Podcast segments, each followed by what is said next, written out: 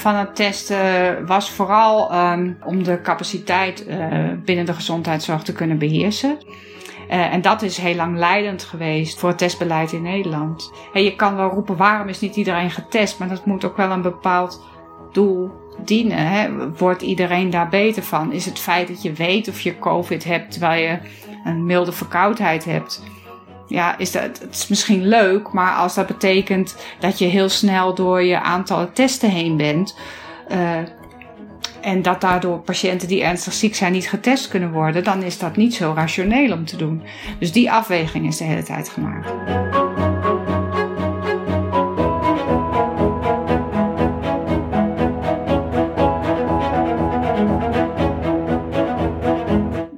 heel lang werken wij aan um, wat dan uh, uh, humane modellen tegenwoordig heet. Dat heette toen ik eraan begon nog niet uh, zo. Het is zogenaamde organoïden. En organoïden worden ook wel mini-orgaantjes genoemd. En dat is een uitvinding die helemaal niet uit de virologiehoek komt. Die komt uit, uit het laboratorium van Hans Klevers in Utrecht. die eigenlijk voor het eerst aantoonde dat je menselijke stamcellen, als je die maar op de juiste manier uh, isoleert en, en behandelt, zeg maar, dat ze dan een, een stukje van een orgaan uh, kunnen nabootsen. Heel, heel precies ook. Dus je kan verschillende orgaantjes uh, kun je kweken. Dus bijvoorbeeld in het geval van COVID kun je luchtwegmateriaal, hè, waar het virus binnenkomt, kun je, kun je bestuderen van hoe gaat het virus dan naar binnen. En uh, hè, als ik uh, dat, dat weefsel van, het, van de ene patiënt neem of van een andere patiënt, maakt dat dan verschil? Waarom is die ene patiënt nou zo gevoelig? Waarom wordt hij nou zo ziek van die COVID en die andere patiënt helemaal niet? Dat zijn vragen die je in principe met dit soort modellen zou kunnen beantwoorden.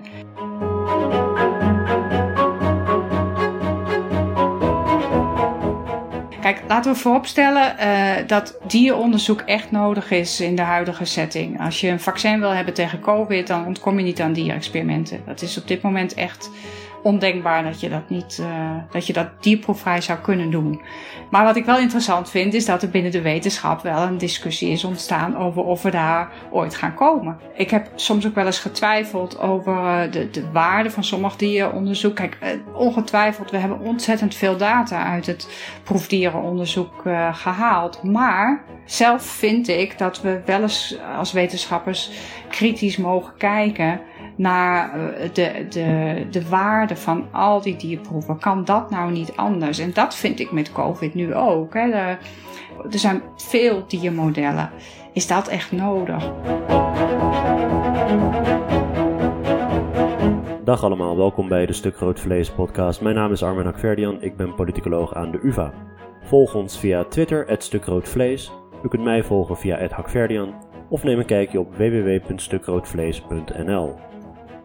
Mijn gast van vandaag is Katja Wolters, arts-microbioloog gespecialiseerd in virologie. Katja is verbonden aan het AMC en was dienstdoend viroloog van het lab dat het tweede officiële coronageval in Nederland vaststelde.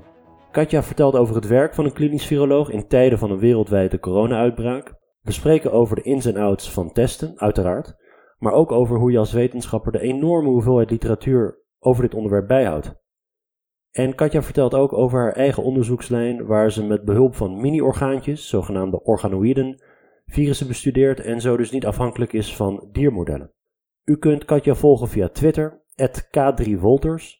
Het Europese samenwerkingsverband waarin ze opereert heet Organo4 en ik zal in de show notes linken naar hun website. Over naar Katja Wolters.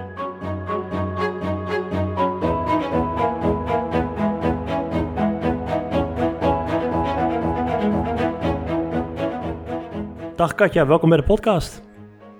Ja, hi uh, Armin, leuk om hier te zijn.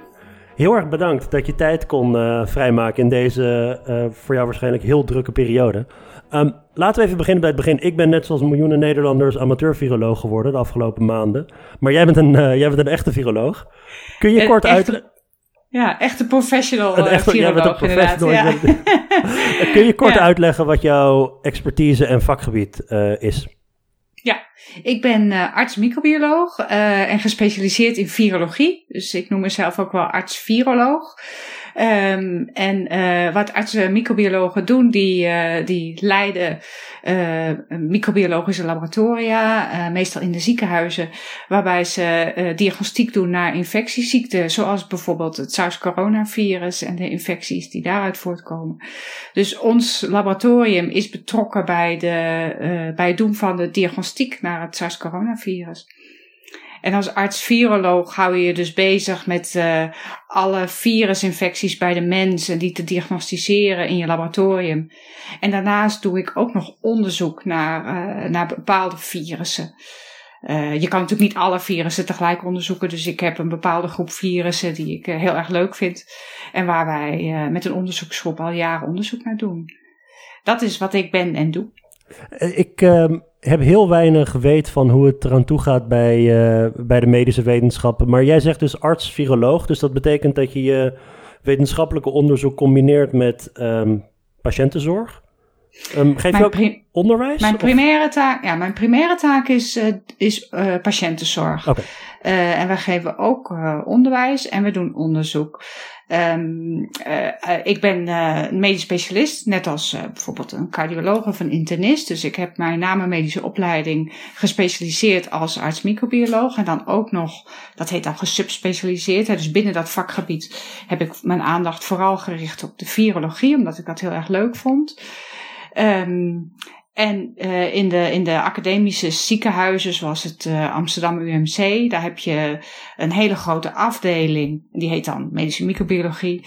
Um, en daar heb je dan weer verschillende subafdelingen in, uh, zoals bijvoorbeeld de virologie, waarbij dan specialisten samen met een, met een ploeg analisten en artsen, microbiologen in opleiding en, en administratief ondersteunend personeel.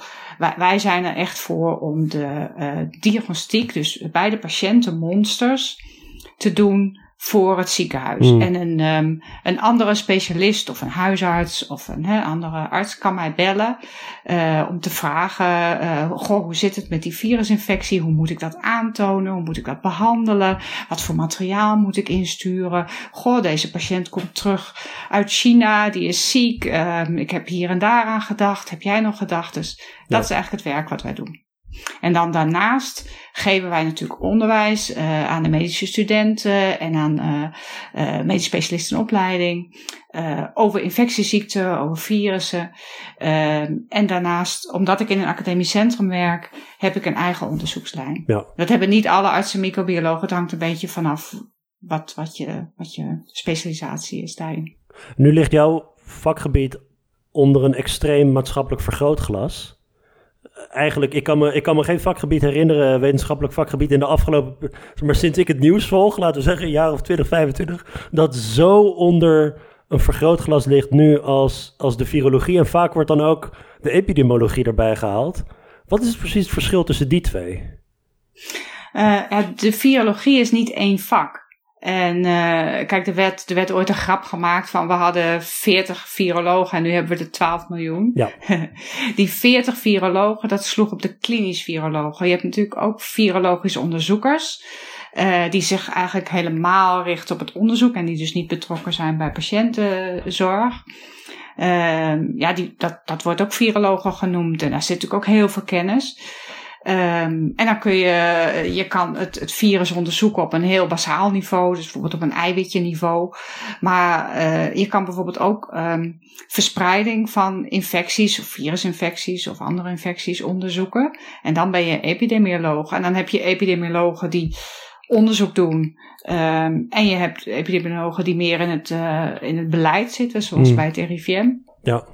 Wanneer ben jij voor het eerst in aanraking gekomen professioneel gezien, of misschien via het nieuws. Maar wanneer kwam COVID bij jou op de radar? Ja, ik weet het ook niet meer precies, omdat de tijdlijnen ook een beetje blurry zijn, omdat we het zo druk hebben gehad. Maar uh, ik weet dat op een gegeven moment ergens eind december, begin januari zal het geweest zijn dat we wel in de gaten hadden dat er in China iets aan de hand was. En ik kwam toen een uh, bevriend um, internist-infectioloog tegen die net terug was uit China. En die zei toen tegen mij van ik heb het idee dat er schromelijk onderschat wordt wat er in China gaande is. En ik dacht toen nog, yeah right. Maar het, het, ik, ik, weet, ik herinner me nog wel hoe, hoe moeilijk het was om dat goed te overzien. Omdat het niet de eerste keer is dat er ergens in de wereld een uitbreek, eh, een uit, hoe zeg je het, een uitbraak is van een, uh, van een infectie of een virusinfectie. En dat betekent niet altijd dat je opeens een, uh, een wereldwijde epidemie, of wat er, wordt een pandemie genoemd, ontstaat. Dus ik had het op dat moment zelf ook nog niet zo op het netvlies staan dat dat, dat, dat zo groot zou worden. En ik denk met mij velen niet. Dat is heel moeilijk om dat, om dat goed in te schatten. En wanneer kwam de, was het moment dat jij echt persoonlijk ook te maken kreeg met, laten we zeggen, mogelijke Nederlandse casussen? Um, al vrij snel uh, in januari um, werd er wel gesproken over wat, uh, wat we moesten doen uh, als bijvoorbeeld patiënten zich melden in het ziekenhuis met, die, met luchtwegklachten die bijvoorbeeld uit China terugkwamen. Dat was eigenlijk het eerste issue waar het over ging. Dus um, wij begonnen met het uh, bedenken van hey, hoe moet die diagnostiek eruit zien. Nou, in eerste instantie werd dat door de, door de Outbreak Laboratoria gedaan, het RIVM en Erasmus MC. En um, waar voor ons eigenlijk een omslag zat in, in ook de hoeveelheid testing, maar ook het hele denken over, over SARS in Nederland, was toen wij zelf de, de eerste uh, een van de eerste patiënten in Nederland positief testen. Dat was zo'n beetje eind februari, begin maart. Um, en dan opeens, dan wordt het wel echt realiteit. Uh, en ja, we hadden toen net zelf uh, ook de testen ingevoerd op het AMC. Ehm, daarvoor moesten we eigenlijk steeds in overleg met het Erasmus of het RIVM over de, de casusdefinitie wordt dat dan genoemd. En dan test je specifieke groepen. En op het moment dat wij het zelf hadden ingevoerd, wat helemaal eigenlijk gecoördineerd is gegaan in Nederland hoor. Het is niet zo dat iedere laboratorium maar wat verzon. Dat was echt een gecoördineerde actie van welke laboratoria dat kon. Maar toen konden we ook ja, uh, zelf de samples gaan testen. Um, en dus ook samples gaan testen van, van patiënten die bijvoorbeeld niet meteen uit, uh, uit China of Italië kwamen. Italië was toen ook al in beeld. En, uh, en toen, toen kwam het ook wel heel dichtbij. Toen die uitbraak in Italië opeens was, toen, toen was het ook wel heel duidelijk dat dat snel naar Nederland zou komen. Ook via wintersport en vakantiegangers. Ja, dat soort dingen. ja, ja, ja, ja, ja. Dus dat, uh, dat, dat hadden wij wel op de, op de radar staan, mm. dat dat zeker uh, zou gaan gebeuren. Um, dus dat was, uh, ja, zo'n eind februari, begin maart was het toch wel duidelijk dat het een, um, ja, dat, dat, dat we daar veel werk aan zouden hebben. En dat hadden we op dat moment ook al met de introductie van een nieuwe test. Um, dus uh, ja, het, het, was wel ook wel heel, heel, Dat is dan vanuit een virologisch oogpunt ook heel spannend natuurlijk. Nee, dat kan ik me zeker voorstellen. Eerste patiënt. ja, want ja, voor, voor, de patiënt natuurlijk niet zo leuk, maar, maar voor ons natuurlijk heel spannend dat je dan opeens uh, ja, zeker, een ja. positieve testresultaat hebt. Ja. Want wat je, op een gegeven moment had je dat, dat allereerste officiële geval in Brabant. Ja. Het tweede officiële Nederlandse geval heeft jouw lab vastgesteld. Ja. Ja, ja heeft, uh, heeft ons lab uh, vastgesteld. Uh, ik was op dat moment de dienstdoende viroloog samen met een, een, een arts-microbioloog in opleiding. En ja, we hadden, we hadden hem, maar, de eerste. Dus hoe dat was gaat dat dan precies in zijn werk? Want zoals je net zegt, die casusdefinitie is dan leidend. Ja. Een patiënt moet aan bepaalde voorwaarden voldoen voordat je hem of haar aan een test mag onderwerpen. En dan mag jij eigenlijk de inschatting maken van doen we dat of doen we het niet. Ja, die casusdefinitie die is in principe leidend en die is zeker leidend als er nog maar op een paar plekken getest wordt. Uh, op een gegeven moment, uh, als er dan, um, uh, het wordt dan de uitbraaklaboratoria genoemd. Dus je hebt eerst dan de twee hoofdlaboratoria en dan komt er een satelliet omheen. Dat zijn meestal de grote academische centra die dan ook gaan meetesten. en dan heb je natuurlijk iets meer vrijheid in, in wat je doet, omdat jij dan op dat moment bepaalt uh, welke samples er ingezet gaan worden. En, en natuurlijk denk je daarover na. Je gaat niet alles wat er binnenkomt aan, aan luchtwegsamples. Want er zijn natuurlijk heel veel luchtwegsamples in het, in het ziekenhuis die binnenkomen voor diagnostiek. Hè? Want de, de, je hebt natuurlijk ook de griep en nog allerlei andere mm. virussen. Uh, dus je gaat daar wel uh, uh, over nadenken welke, welke samples moeten. Maar je hebt dan ja, iets meer vrijheid. Dus dat, daar hebben wij ook gebruik van gemaakt. Um, door dit sample in te zetten. En dat was dus toch wel raak. Dus dan ben je ook wel een beetje trots natuurlijk. En, uh, dat je een goede inschatting hebt gemaakt. Dat je een goede inschatting hebt gemaakt. En ja, en je hebt natuurlijk ook. Um, uh, het, het, wij zijn een academisch ziekenhuis en net zoals de, de, andere ziekenhuizen is, is je primaire belang de patiënten in het ziekenhuis en de zorg daaromheen. En dat, dat is soms ietsje anders dan, dan het, het, um, het belang wat bijvoorbeeld het RIVM heeft, die natuurlijk naar het hele land kijkt.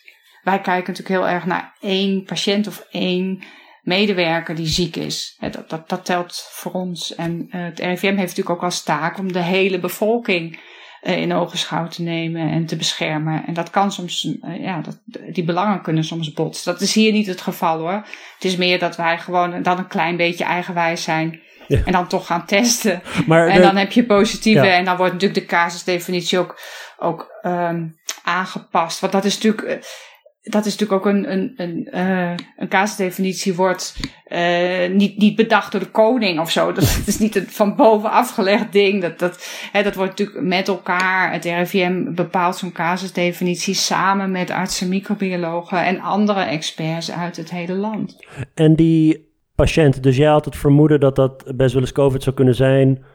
Um, waar zat hem dan de discrepantie met de de, de, de casusdefinitie zoals die op dat moment gold?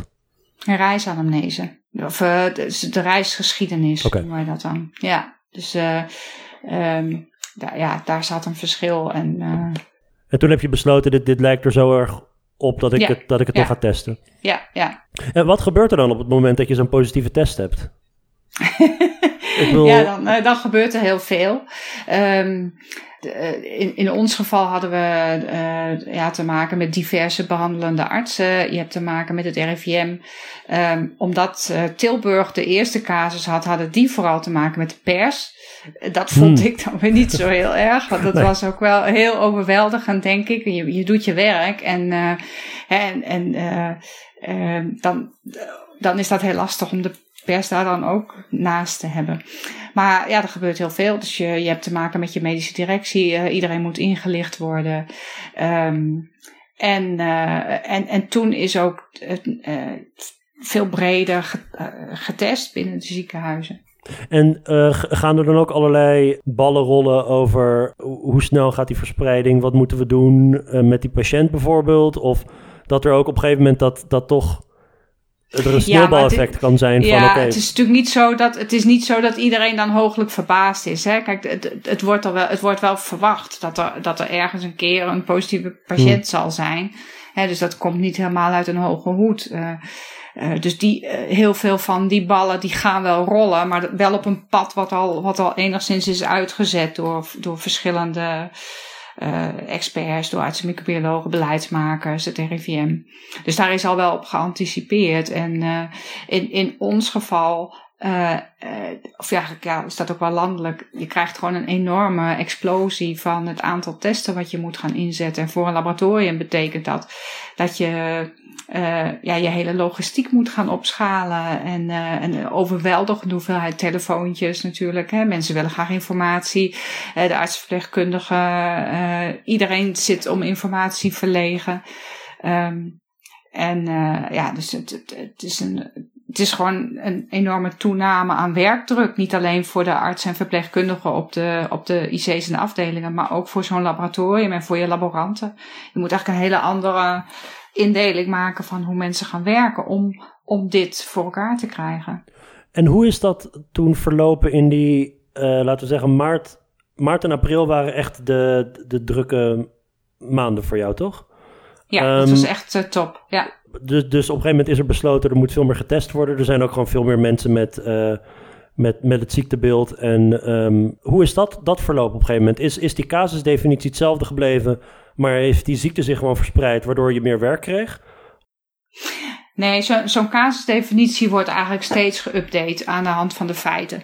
En uh, daar is natuurlijk veel kritiek op. En er wordt vaak gezegd van ja, dat loopt achter de feiten aan. Maar ja, dat kan ook bijna niet anders. Je moet natuurlijk ergens beginnen met een casusdefinitie. Um, dus nee, dat, dat, wordt aangepast. En wij houden ons daar in principe aan. Maar je hebt natuurlijk als, als um, als microbioloog wel de vrijheid om er af en toe van af te wijken. Maar je maakt binnen je centrum en ook uh, in, in, in samenspraak met de andere collega's in de andere ziekenhuizen maak je beleid wat er binnen je centrum gaat gebeuren. Uh, wie worden getest? Uh, wanneer kan dat dan? hoe laat? hoe lang duurt dat? Ehm, wat voor maatregelen moeten er genomen om je personeel te beschermen? Uh, daar geven wij allemaal adviezen over. Niet ik persoonlijk hoor, gewoon ook de, de andere collega's, arts-microbiologen. We hebben infectiepreventiedeskundigen. Uh, dus die zitten allemaal aan boord samen met, uh, met de artsen van de IC en met de medische directie. Om na te denken wat er dan in je ziekenhuis, uh, uh, hoe dat plaatje eruit gaat zien. Want er werd natuurlijk verwacht dat er een enorme druk zou komen op de IC's. En dat is ook gebeurd. Er is natuurlijk een, uh, een explosieve toename van het aantal patiënten op de IC's geweest. En, en dat, dat neemt nu geleidelijk aan af. Ehm, dus de, de, aantallen opnamen, het nieuwe aantal opnamen op de IC's, dat, dat is heel erg verminderd. Alleen de lichtduur, mensen liggen natuurlijk laag op de IC, dus er liggen nog best wel veel patiënten op de IC. Ja. Maar we, hebben die, we, hebben, we zijn niet over de topcapaciteit heen gegaan. Dus het, het aanvankelijke doel um, was natuurlijk om goede patiëntenzorg te leveren. Um, in principe aan iedereen, maar zeker ook aan de patiënten met COVID die dat nodig hadden. Uh, daar is het beleid op gemaakt. En men was bang voor, voor schaarste, bang voor, of bang, er was schaarste qua testen, qua beschermende middelen voor het medisch personeel. Um, en dat, dat heeft natuurlijk heel veel van beleid uh, uh, gestuurd. Ja, er is eigenlijk vanaf het begin is er heel veel aandacht geweest voor die testcapaciteit in Nederland. En ik weet dat ik als burger en volledig leek op, op het gebied van de testinfrastructuur laat staan virologie. Maar gewoon als burger meekijkend dat het mij niet altijd duidelijk was wat nou precies het doel was van het testen. Of waarom er een schaarste zou zijn. Of in recente weken juist um, dat er testcapaciteit was die niet benut werd.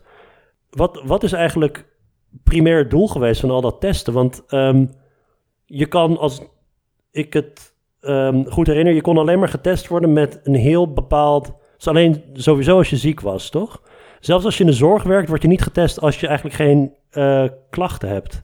Nee, klopt. Nee. Het doel uh, van het testen was vooral um, om, uh, om de capaciteit binnen de gezondheidszorg te kunnen beheersen. Dus om, om uh, het wel te kunnen volgen hoe de epidemie zich uh, ontwikkelde. Maar daarvoor hoef je niet iedereen te testen. Je hebt daar bepaalde uh, parameters voor. Dus bijvoorbeeld hoeveel mensen op die IC worden opgenomen met een COVID. Ja. Is natuurlijk, ehm, het zegt iets over, over, je, over je, de, de ontwikkeling van je epidemie. en dat is heel lang leidend geweest voor, voor ehm, voor het testbeleid in Nederland. En je kan wel roepen, waarom is niet iedereen getest? Maar dat moet, dat moet ook wel een bepaald doel dienen. Hè? Wordt iedereen daar beter van? Is het feit dat je weet of je COVID hebt terwijl je een milde verkoudheid hebt?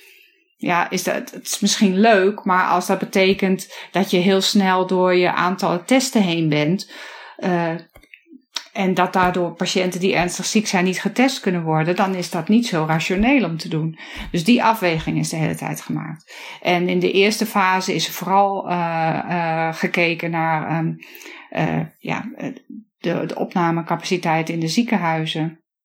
En uh, daardoor misschien wat te laat nagedacht over wat er, wat er aan de hand was in de verpleeghuizen. Ik, ik vind dat moeilijk te overzien. Dat, dat is niet helemaal het veld wat wij, wat wij overzien. Wij, wij bedienen de ziekenhuizen. Ja. Maar daar kun je natuurlijk een discussie over voeren. Maar dat ligt ook meer bij de beleidsmakers. Um, ik, bepaal, ik, ik bepaal als viroloog niet direct het uh, testbeleid. Maar er zitten natuurlijk wel uh, mijn beroepsgroep zit, zit wel in de groepen die dat beleid met elkaar, met het RIVM en met de minister samen wel bepalen. Dus ik, ik vraag me af of je, dus je kunt natuurlijk zeggen, ja, er is een, er is een bepaalde hoeveelheid testen beschikbaar. En er is enorme schaarste. Alle landen die concurreren ook met elkaar om, uh, om die testen te hebben. En op basis van die testcapaciteit voeren wij beleid dat je nou eenmaal niet iedereen kunt testen. Maar is, zeg maar, is dat de, de causaliteit? Of is het van. het, is ehm, wel iets, het is wel iets complexer dan dat. Het is ook. Het is niet alleen van. Oh jee, we hebben niet genoeg testen. Dus we moeten uh, beleid maken. Want anders zouden we wel iedereen testen. Nee, er is ook wel nagedacht over wat is zinvol. Ja, precies. Dus dat, dat, dat je vooraf eigenlijk zegt. Er zijn meerdere strategieën om met het virus om te gaan. En bij de strategie die wij kiezen, hoef je niet iedereen te testen. Nee, exact. Dus, dus dat, uh, dat zou... De, de, ja, dus dat, dat is zeker een leidraad geweest. Um, uh, en, en je ziet dat verschillende landen daar verschillend mee om zijn gegaan. Mm. in Nederland is gekozen voor, het, uh, voor een, uh, wat was het ook weer, een, een slimme lockdown of zoiets. Intelligente lockdown. Intelligente lockdown, ja, ja. en je ziet natuurlijk dat dat beleid niet, niet wereldwijd hetzelfde is. Dat landen daar heel verschillend in zijn. Dat geldt ook voor het testbeleid. Korea heeft gekozen voor, een, um, voor iets, iets minder, of eigenlijk helemaal niet een lockdown, maar juist een heel stringent testbeleid en opsporingsbeleid. Um, nou ja, Zweden doet het weer helemaal anders, weet je wel. Dus het, daar, zit, daar zit verschil in.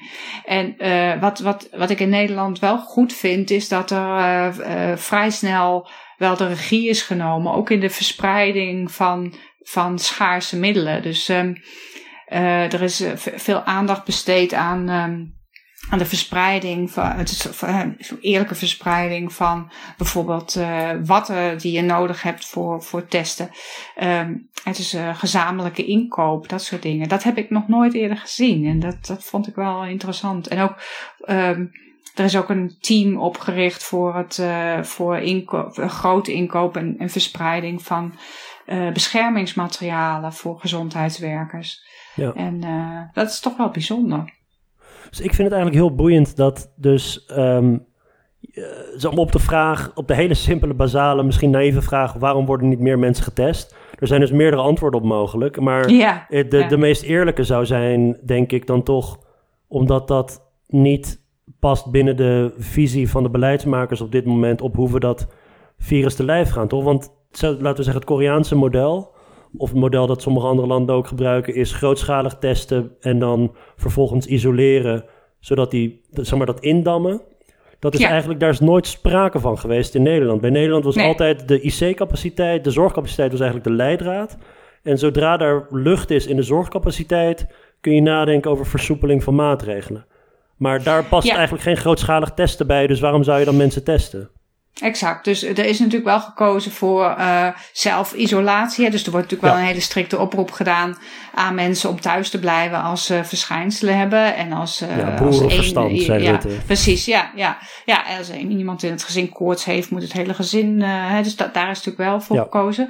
Maar dat, dan wordt dat gezin dus dan niet getest. En, en dat is een keuze. Ja. En jij bent ook niet getest, toch? Ik ben helemaal nog niet getest, nee. maar ik heb ook nog helemaal geen verschijnselen gehad. Dus hè, had ik, uh, als ik uh, ziek was geworden, dan uh, wij, wij, behoren wel tot, um, hoe heet dat, de elementaire beroepen? Of, wat is cruciale beroepen. Cruciale beroepen, ja. Godzijdank zijn virologen dus, cruciale beroepen tijdens een pandemie. ja, precies. dus dan was ik wel voor testing in aanmerking gekomen. ja. ja. Hoe is het mogelijk om op dit moment als wetenschapper bijvoorbeeld uh, de literatuur bij te houden over dit onderwerp? Ja, dat is een hele goeie. Dat, daar heb ik eigenlijk het antwoord nog niet op gevonden. Dus uh, ik hoop dat misschien hoort een collega dit en dan hoor ik het graag. Het is een overweldigende hoeveelheid aan data die er op je afkomt. Um, waarbij het ook, vind ik, opvallend is dat uh, hè, er wordt natuurlijk tegenwoordig meer uh, open science gedaan. Je hebt bioarchives waar veel niet gepeer-reviewde stukken in staan. Um, het is, het is ongelooflijk moeilijk om de data eh, bij te... Het, ik, ik vind het heel moeilijk om het bij te houden. Het is het, op al het gebied uh, komt er... Het is ook, ook beleidsmatig. Uh, de, de, ja. Heb je daar een bepaalde strategie in? Dat je zegt van ik, er zijn een aantal tijdschriften die ik volg, of ik geef meer waarde aan gepubliceerd materiaal dan niet gepubliceerd nou, materiaal? Nou, ik vind, het, ik vind het wel interessant om te zien wat er in bioarchives verschijnt. Uh, ons uh, onderzoek, uh, omdat wij, wij, wij waren niet een groep die aan coronavirussen werkte. En op het moment dat de coronacrisis begon, is al het onderzoek in Nederland moest stoppen. Um, en dat betekent dat ik jonge onderzoekers, uh, die werken aan hun um, promotieonderzoek, uh, die, ja, die moesten hun werk neerleggen. En wat we gedaan hebben, is we hebben eigenlijk een COVID Journal Clubje opgericht, waarbij we drie keer in de week uh, snel een aantal artikelen uh. Een leesclubje voor COVID. ja, leesclubje voor COVID. Zo, zo, hebben wij dat opgelost. En ja, je krijgt natuurlijk ook veel, ja ik krijg veel, uh, hoe zeg je dat, passief naar mij toe. Hè. Mensen zeggen, oh, heb je dit gelezen, heb je dat hmm. gelezen? Dus dan pik je het op. Ik heb zelf nauwelijks de tijd gehad om, uh, zeker, in, zeker in die aanloopperiode maart, april, om het om überhaupt echt tijd te nemen om het systematisch bij te houden. Dus ik heb vooral, ja, er komt ontzettend veel kennis naar je toe omdat je erover spreekt, omdat je het voorbij ziet komen in het nieuws of in de sociale media. Um, en inderdaad, dat COVID-clubje, dat heeft mij zelf heel erg geholpen. Dat mijn jonge onderzoekers uh, al die stukken opzoeken. En, uh, en dan, ja, dan, dan krijg je toch gewoon heel veel uh, kennis die naar je toe komt. Maar daarmee kun je ook zien dat je ja, dat er ook veel tegenstrijdigheid uh, in de literatuur zit. En dat is moeilijk om daar chocola van te maken. Hè. Neem, neem nu die berichten over de BMR-vaccinatie, die dan beschermend zou zijn. Um, ja, om, om dan goed te achterhalen wat de data zijn uh, en de juiste stukken erbij, is het wel zo, is het niet zo. Ja, ik vind het moeilijk. Nou, het is ontzettend lastig dat het normale proces van wetenschap met peer review en met allerlei dingen repliceren en aggregeren en weet ik veel, uh, dat normale proces dat jaren vergt, misschien wel langer. En dan zijn er nog allerlei onopgeloste uh, losse eindjes. Maar in het beste geval duurt het heel lang dat je simpelweg die tijd niet hebt nu.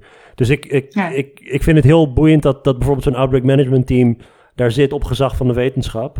En um, toch ook ditzelfde probleem heeft, of deze uitdaging heeft. Van er komen honderden nieuwe studies uh, per week, misschien inmiddels duizend. Ik weet niet precies wat die cijfers waren, maar het is in die orde van grootte. En um, dan moet je dat op een bepaalde manier aggregeren. Normaal gesproken heb je daar gewoon tijd voor om een of andere meta-analyse te doen. Of je hebt tijd om zelf bepaalde dingen te checken. Uh, en nu moet je dat toch op een andere manier samenvatten. En tegelijkertijd vraagt de politiek of het publiek vraagt zekerheid.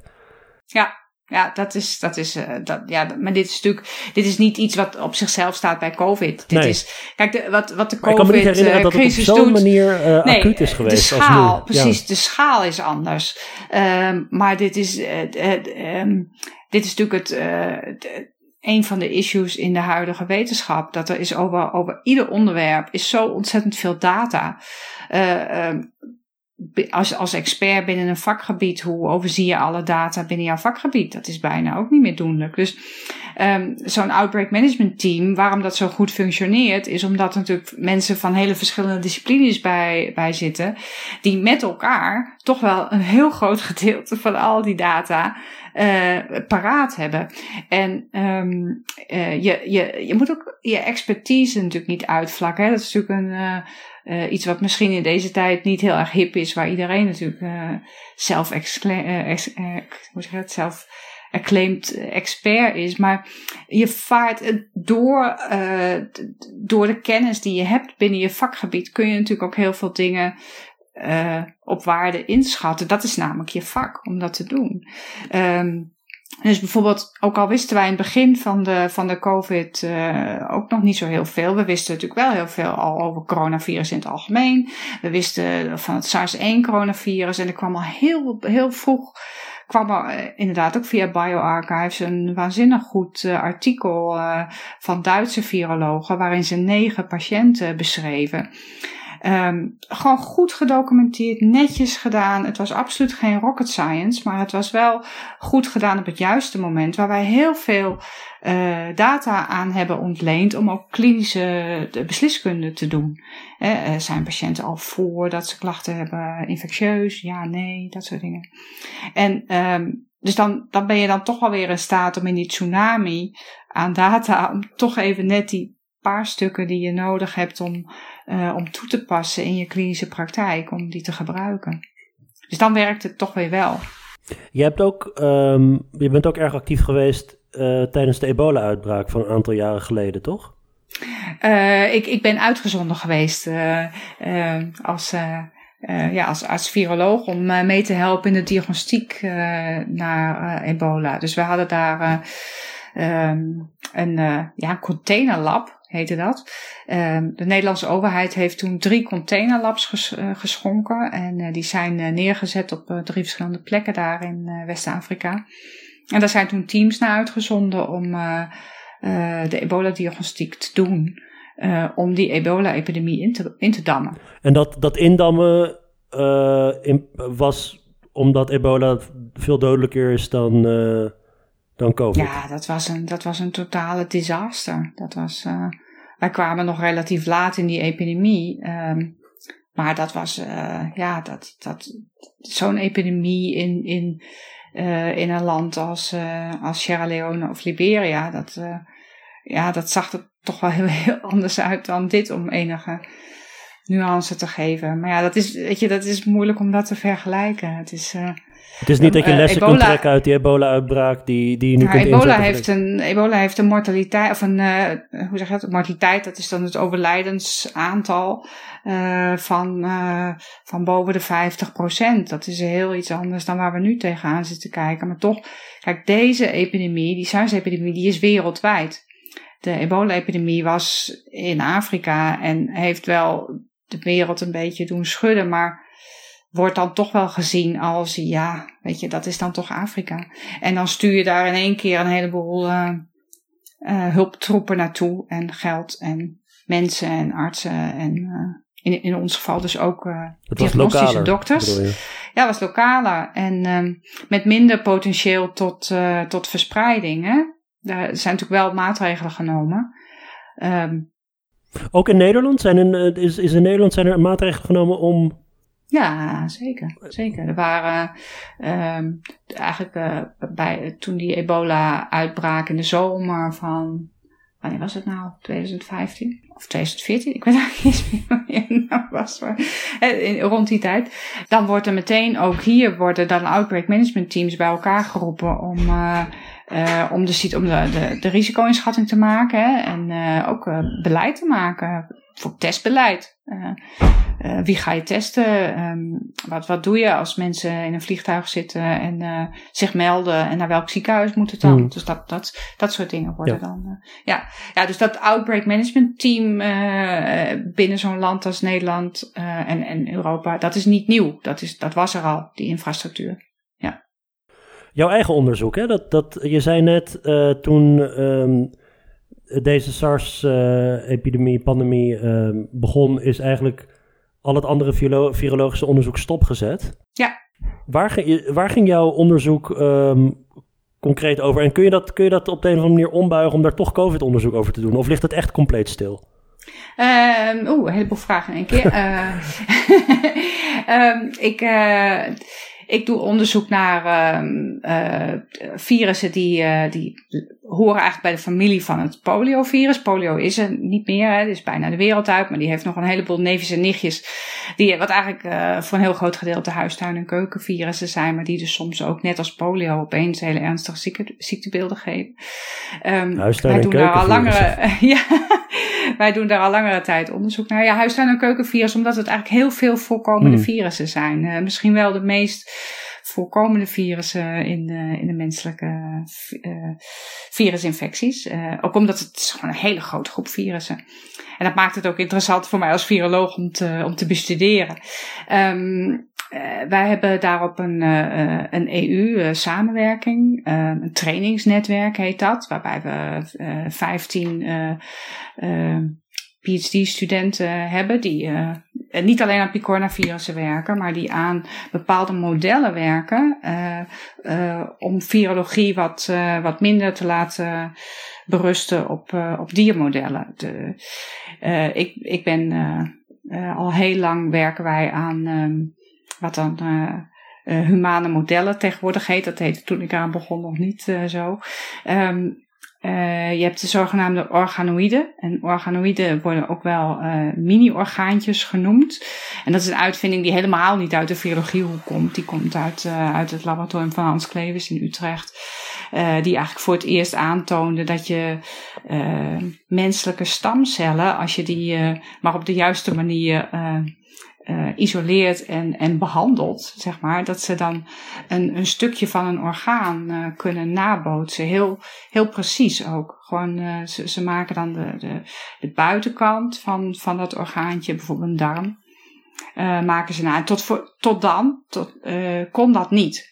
Je kon niet zomaar een stukje menselijk weefsel in een schaaltje zetten en dan ging het groeien. Dat, uh, hmm. Tenzij het kanker is, dan wel.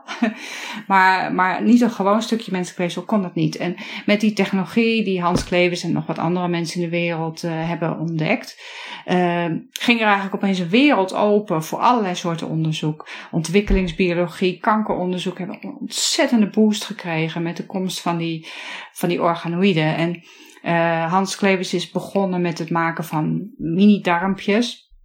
Um, maar inmiddels kun je eigenlijk van ieder menselijk orgaan kun je die organoïden wel maken, zelfs van, het, uh, zelfs van de hersenen. Waarbij je dus wel echt, mensen moeten zich echt realiseren dat dat dus niet complete hersentjes zijn. Het zijn bepaalde cellen die je dan wel kunt opgroeien en dat is al heel spectaculair. En het voordeel daarvan zou zijn dat je dus je uh, experimenten uitvoert op daadwerkelijk levend uh, menselijk weefsel. Ja. En niet op proefdieren. Ja, het, uh, virologie maakt eigenlijk gebruik van nou, veel van proefdieren. Niet alleen van proefdieren. Je kan het ook doen met, met cellijnen, zoals dat heet. Hè. Bijvoorbeeld, kijk, ja, virussen hebben iets levens nodig om op te groeien. Het is anders dan voor bacteriën. Die kunnen op een oppervlak heel goed groeien of op zo'n kweekplaatje. Maar dat kunnen virussen niet. En als truc gebruiken wij in het laboratorium uh, cellen die bijvoorbeeld uh, bij, van apen afkomstig zijn, maar ook van mensen. Bijvoorbeeld kankercellijnen die in het laboratorium wel groeien. Uh, die kun je ook heel goed gebruiken. Alleen dat zijn dan weer niet zulke hele goede modellen om ziekte te onderzoeken. Dus met die, met die cellijnen kun je wel een virus heel goed opgroeien. En dan heb je het virus en dan kun je dat bestuderen. Maar je kan niet goed bestuderen hoe mensen ziek worden. Nou, daarvoor worden dan heel veel proefdieren gebruikt. Je kan natuurlijk ook ziekte bestuderen in mensen. Dat doen we ook heel veel. Denk maar aan de grote HIV-onderzoeken, de grote HIV-cohorten. Daar komt ontzettend veel data over de ziekte HIV door het, het systematisch bestuderen van wat er in het menselijk lichaam gebeurt bij, bij patiënten. Dat kunnen we nu met COVID weer. Uh, maar we hebben dus eigenlijk sinds die vinding van Hans Klevers een nieuwe, een, een, uh, iets nieuws gekregen in het laboratorium met die organoïden. Ja. Uh, en we kunnen dus nu inderdaad menselijk weefsel, echt menselijk weefsel, wat echt lijkt op wat er in het menselijk lichaam zit. Dus je kan verschillende orgaantjes uh, kun je kweken. Dus bijvoorbeeld in het geval van COVID kun je uh, luchtwegmateriaal, hè, waar het virus binnenkomt. Ja kun je, kun je bestuderen van hoe gaat dat virus dan naar binnen. En hè, als ik dat, dat weefsel van, het, van de ene patiënt neem of van een andere patiënt, maakt dat dan verschil? Waarom is die ene patiënt nou zo gevoelig? Waarom wordt hij nou zo ziek van die COVID en die andere patiënt helemaal niet? Dat zijn vragen die je in principe met dit soort modellen zou kunnen beantwoorden. En dat is, eh, dat, dat, wij werken daaraan, uh, maar voor COVID is dat nog uh, in, de, in de kinderschoenen. Ja. Daar zijn wij nu wel voorzichtig mee begonnen. Maar het is niet zo makkelijk virus om te kweken. Het is natuurlijk een, eh, een, een eh, behoorlijk pathogeen virus. Dus niet iedereen mag daar zomaar in zijn laboratorium mee, eh, mee aan de slag. Ik kan allerlei ethische bezwaren tegen, tegen dierproeven bedenken. En ik, ik ken zeg maar die activistische hoek ook. Um, en er wordt dat ja, dierproeven kunnen gepaard gaan met onnoemelijk dierenleed. Maar uh, je hebt het hier ook over methodologische bezwaren tegen uh, virologisch onderzoek naar dieren, toch? Of op dieren bedoel ik. En dan de, ja, ja, ja, zeker. Zeg maar, die, Kun je daar iets meer over zeggen? Waarom? Want ik kan, ik kan me voorstellen dat uh, uiteindelijk als je besluit om dierproeven in te zetten, dat dat toch op een bepaalde manier gevalideerd is dat het niet een totaal andere context is dan, dan de mens. Of ben ik dan te naïef? Nou ja, het is. Uh, dit is ook een, een heel complex, maar wel heel interessant onderwerp, vind ik. Um, kijk, laten we vooropstellen uh, dat dieronderzoek echt nodig is in de huidige setting. Als je een vaccin wil hebben tegen COVID, dan ontkom je niet aan dierexperimenten. Dat is op dit moment echt ondenkbaar dat je dat niet, uh, dat je dat dierproefvrij zou kunnen doen. Daar zijn we gewoon nog helemaal niet. Um, maar wat ik wel interessant vind, is dat er binnen de wetenschap wel een discussie is ontstaan over of we daar ooit gaan komen. Hmm. En um, kijk, ik, ik ben zelf uh, binnen het onderzoek begonnen um, bij, uh, de, bij immunologie, virologie en immunologie gecombineerd. Uh, waarbij wij heel duidelijk keken naar immuunresponsen uh, bij, uh, bij HIV-patiënten, maar echt bij de mens. En mij, ik, ik, ik heb dat menselijke stuk altijd heel erg interessant gevonden. En um, ik heb soms ook wel eens getwijfeld over de, de waarde van sommig dieronderzoek. Kijk, ongetwijfeld, we hebben ontzettend veel data uit het proefdierenonderzoek gehaald. Maar uh, zelf vind ik dat we wel eens als wetenschappers kritisch mogen kijken naar uh, de, de, de waarde van al die dierproeven. Kan dat nou niet anders? En dat vind ik met COVID nu ook. Hè. De, um, er, zijn zo, er zijn veel diermodellen. Is dat echt nodig? Moeten we daar niet naar kijken? Moeten we dat niet beter coördineren? Hoeveel dierproeven heb je eigenlijk nodig? Uh, nou, verschillende diermodellen bedoel ik dan. Hè? Uh, uh, ja, dat soort vraagstukken denk ik dat je die wel kan stellen. En, maar zijn er geen standaarden over opgesteld? Wat, wat het beste diermodel is, daar, daar heb je wetenschappelijke data voor nodig. En meestal is daar niet zo'n eenduidig antwoord op. Dan heb je, hè, dus dat is het wetenschappelijke deel. Dan heb je een deel uh, van, de, van de regelgeving. De regelgeving vereist dat je dierproeven doet. Je moet veiligheid van een vaccin of van een nieuw uh, medicijn laten zien hmm. in die dierproeven. Wat je wel ziet, is dat met de, met de COVID-crisis, dat er wel een ontzettende um, roep is naar snelle ontwikkeling van, uh, van medicijnen en van vaccins. Waarbij er zelfs ook geroepen wordt om bepaalde dierexperimenten over te slaan. Um, en soms, soms, soms eh, zijn er al data bekend uit, uit andere studies uh, over veiligheid of over werkzaamheid van een, uh, van een vaccin of een, uh, of een, een antiviraal middel. Waarbij je al een heleboel data kunt vertalen naar hoe dat zou kunnen. En dan toch vraagt de officiële regelgeving: nee, dan moet je eerst toch nog die en die experimenten doen. En wat je nu ziet is dat, uh, dat een aantal stappen daarin soms worden overgeslagen. Dus er, is, er wordt nu een vaccin uitgetest in Amerika die echt heel snel uh, bij de mens uh, als, als, als eerste fase is uitgekomen. Um, en dat, dat, dat zijn toch wel weer interessante ontwikkelingen. Um, de, je moet niet vergeten, de regelgeving is gebaseerd op uh, ook weer oudere. Uh, kijk, de, de, hele roep om, uh, om medicijnen en vaccins uit te testen op diermodellen, dat komt toch vooral uit in de aanloop van, van de jaren 50 en 60, waarbij er een aantal grote ongelukken gebeurd zijn. Neem bijvoorbeeld Softenon. En toen zijn die, zijn die modellen opgezet.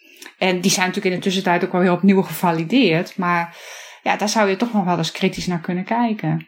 Of je, zeker met, um, met de huidige middelen die, je die je in handen hebt, met andere methoden. Niet, niet alleen die organoids hoor, maar je hebt ook een enorme ontwikkeling in wat dan de virtuele mens wordt genoemd, hè, vanuit de systeembiologie en, en uh, uh, computeranalyses waar ik helemaal verder niet in thuis ben. Maar uh, dat zijn wel zaken die kun je inzetten. Alleen, ja, dat, moet je, dat kan natuurlijk niet morgen. Daar moet je over nadenken.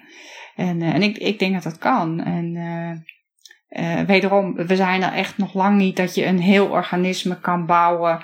Wat dan in die zin een, een proef die je helemaal vervangt. En, en, dat is de reden dat er natuurlijk nog steeds proefdieronderzoek nodig is. En, en gegeven het feit dat we nu dus of ik, ik zeg we, ik, ik zelf niet hoor, maar uh, dat uh, de wetenschap nu dus opereert onder een vergrootglas met een, uh, een tikker, een klok, een klok ernaast, dat alles, dat er eigenlijk geen tijd is om te reflecteren op dit soort dingen. En um, zie je dan ook dat ineens proefdieronderzoek weer um, toeneemt? Of Nou ja, aangezien, kijk, die, COVID, nee, uh, er neemt allerlei onderzoek toe in COVID. Dus ook het, ook het proefdieronderzoek. Wat mij opvalt is dat je dan toch wel uh, inderdaad, ieder laboratorium die een proefdiermodel heeft, die, die zal dat ook gebruiken voor COVID. En daarvan vraag ik me wel af, ja jongens, kunnen we dat niet gecoördineerd doen? Je ziet wel stappen daarin hoor. Er is op EU-niveau wordt daar wel met elkaar over nagedacht van hoe kun je dat stroomlijnen. Hmm.